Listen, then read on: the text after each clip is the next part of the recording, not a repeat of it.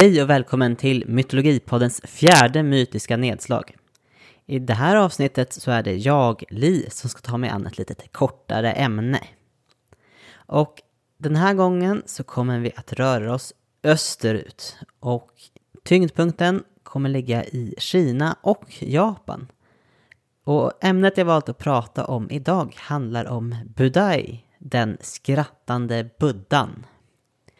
Det är en karaktär som ni kanske sett när ni varit på restaurang.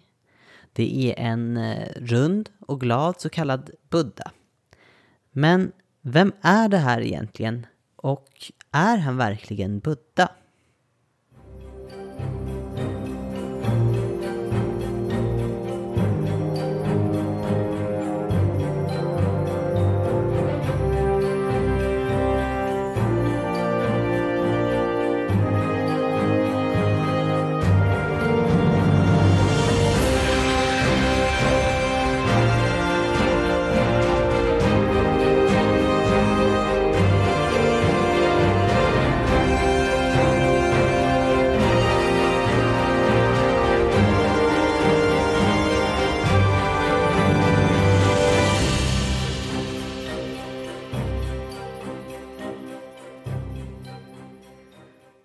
Karaktären har sitt ursprung i Kina och heter där Budai eller Putai.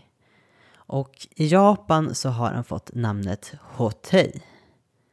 Namnet Budai betyder tygsäck. Och jag kommer komma in på varför om en stund. Den här karaktären som är mycket omtyckt har väldigt fina epitet också och kallas ofta för den älskande eller den vänliga eller den leende munken. Här i västvärlden så kallas han även oftast för den feta buddhan.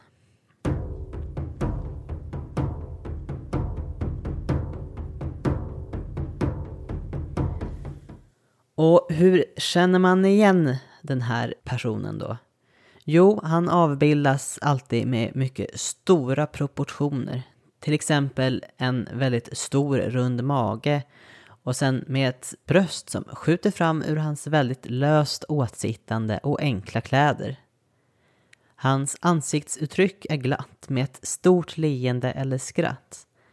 Och just därför fick han i Kina smeknamnet den skrattande buddhan. Budei avbildas och kännetecknas av att han då är en vandrare och som vandrare bär han alltid på en linnesäck eller en påse. Och det är just det som namnet Budai anspelar på. Den här säcken eller påsen innehåller tusamma gåvor och värdefulla saker. Budai var nämligen en mycket generös person. Säcken kunde även innehålla godsaker då som Budai gav till barn som han träffade på.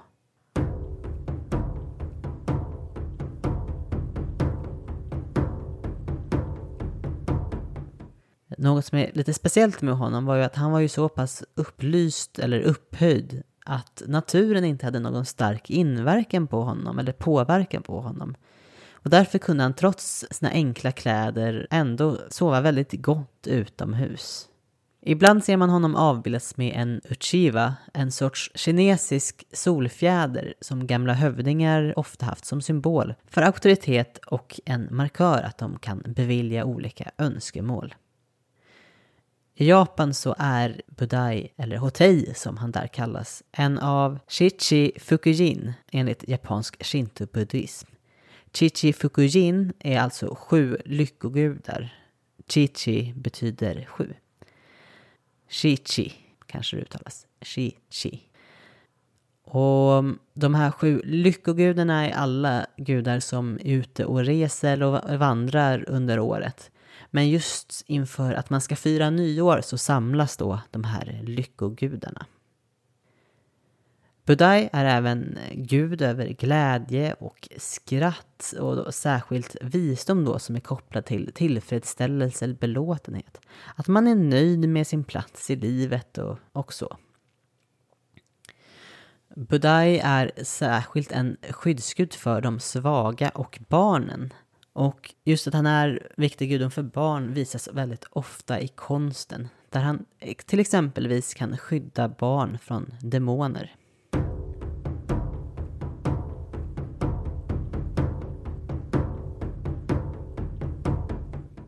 Eftersom Budai är på konstant gott humör har han blivit en symbol för nöjdhet och belåtenhet.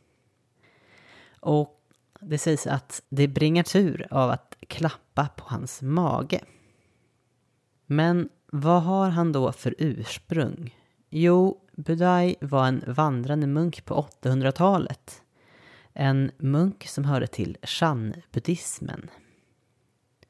Shan-buddhismen är kanske vanligast känt under det japanska namnet zen-buddhism. Shan är ju alltså det kinesiska namnet på zen-buddhism. Den här sortens buddhism handlar mycket om att nå upplysning och förståelse om tillvaron genom sittande meditation och genom att vara närvarande i vardagliga göromål och situationer. Zen-buddhismen och den här äh, munken Hotei, eller eh, att man eh, relaterar till honom inom buddhismen, tar fäste i Japan under 1200-talet. Budai sägs ha dött då mellan år 901 och 903. Och då ska han ha reciterat en vers som gjorde att man kunde identifiera honom som Maitreyas bodhisattva. Och en bodhisattva är ju alltså en tidigare inkarnation av den kommande buddhan. Och i det här fallet då den kommande buddhan som ska kallas för Maitreya. Och jag kommer återkomma till Maitreya snart. Men den här versen var den som Budai reciterade och den gick ungefär så här. Maitreya, den riktiga Maitreya, har miljontals manifestationer. Ibland visar han sig bland människor, men förblir oigenkänd av sina medmänniskor. På 1500-talet så blev Budai kanoniserad som den sextonde och sista kinesiska bodhisattvan. Och lite för att fokusera lite på mm, buddhisattvor bodhisattvor och buddor. Som sagt att Budai kallas ju ofta för den skrattande buddhan. Och hur kommer det sig nu då? Jo, eftersom man kunde identifiera honom som Maitreyas bodhisattva så betyder det att buddhai är en tidigare inkarnation av buddhan alltså buddhan i ett tidigare liv. Men innan eh, han har nått liksom den här totala upplysningen som gör honom till buddha. Och den kommande buddhan Maitreya, som är den framtida buddhan som ska återvända till världen och hjälpa mänskligheten till frälsning. Det är kombinationen av hoppet för de lidande som ska bli hjälpta av Maitreya till frälsning. Frälsning är, är det bästa ord jag eh, kommer på just nu, men att man, man får, får hjälp att leva efter dharma, den rätta läran och så småningom nå liksom en högre upplysning. Just det här hoppet för dem i kombination med Budais väldigt förtjusande mänskliga egenskaper har gjort Budai till en mycket populär buddhistisk gudom.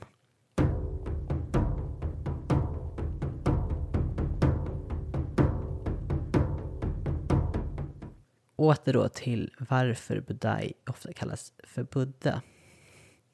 I västvärlden så misstas Budai ofta för Shakyamuni Buddha, alltså den Buddha som Siddhartha Gautama blev. Den mest kända buddhan då som föddes som en nepalesisk adelsson uppväxt i ett palats. Ibland brukar säger man väl också att han var en indisk prins. Och det är därför då Buddha, Budai kallas för den feta buddhan. Och det är just för att man ska göra skillnad för dem. För Siddhartha Gautama avbildas aldrig som särskilt stor. Den skrattade buddhan Budai är ju då som jag nämnde tidigare en bodhisattva. En bodhisattva är ju en person som i ett framtida liv kommer födas som buddha. En som är en person som är på god väg till upplysning. Och jag har tidigare pratat om en annan bodhisattva i vårt avsnitt om hjortar. Men jag för mig att det var en bodhisattvan som skulle då födas som den eh, buddha som Siddhartha Gautama sedan blev. Så det var en tidigare reinkarnation av den buddhan. Men den skrattande buddhan som vi pratar om nu, eh, buddhai Budai, är en tidigare reinkarnation av Maitreya Buddha. Och Maitreya är en kommande framtida buddha som ska efterträda Shakyamuni Buddha, alltså Siddhartha, som var den senaste buddhan. Det har funnits flera buddor före Siddhartha. Innan varje buddha har funnits flera reinkarnationer som är bodhisattvor. Det är ju alltså inte bara en bodhisattva till varje buddha utan det kan vara flera olika livstider som föds om i omgångar tills de blir buddha. Eh, Maitreya då är en buddha som är accepterad inom flesta inriktningar av buddhism. Och man tänker oftast att Maitreyas aktuella bodhisattva finns i något som kallas för Tushita-himlen och kommer återvända till världen för att lära ut dharma, alltså det rätta sättet att leva, när Siddhartha Gautamas läror helt har dött ut. Sen finns det ju också sådana som kanske själva trott att de varit en eh, varit Maitreya. Till exempel scientologigrundaren Ron Hubbard har i ett poetiskt verk själv antytt att han själv är Maitreya. Men det finns många andra tidigare också som har försökt peka ut sig själva eller någon annan som den nya buddhan.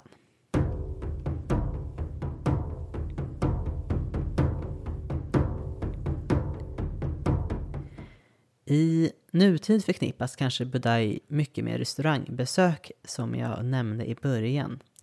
Han har blivit som en skyddsgud för olika krögare. Jag har till exempel själv haft en liten figur som föreställde Budai som jag fick på ett besök på en kinesisk restaurang när jag var liten. Och det kanske du också har en sån hemma eller sett avbildningar av honom just på restaurang. Har du en sån så kan du gärna lägga upp en bild av den på sociala medier och tagga oss. Nu när du vet mer om den skrattande buddhan så kan du tänka lite extra på att vara som honom och vara lite mera sen. Helt enkelt vara mer närvarande i livet och vara nöjd med livet. Vill du följa oss på sociala medier så finns ju vi på Instagram där vi heter mytologipodd Sen så finns vi på Facebook och TikTok där vi heter Mytologipodden. Och sen kan du alltid kontakta oss via vår hemsida www.mytologipodden.com. Som sagt, har du själv en skrattande Buddha hemma så kan du ta en bild och lägga upp på sociala medier, tagga oss med vårat namn och även använda vår hashtag mytologimåndag. Det blir ju extra roligt om du lägger upp just den bilden på en måndag. Till exempel idag om du hör det här avsnittet dagen det släpps. Men det var det för Mytologipodden den här gången. Vi kommer tillbaks med ett nytt avsnitt nu i slutet av månaden den 27 juni. Och då ska ni få se vad vi pratar om då. Och då är ju Erik tillbaka. Då är vi två som snackar. Och det blir ju som vanligt ett längre avsnitt. Efter det så kommer vi ha lite sommarlov och så kommer vi tillbaks till de vanliga avsnittssläppen igen i augusti. Men nu får ni ha en bra sommar. Hej då!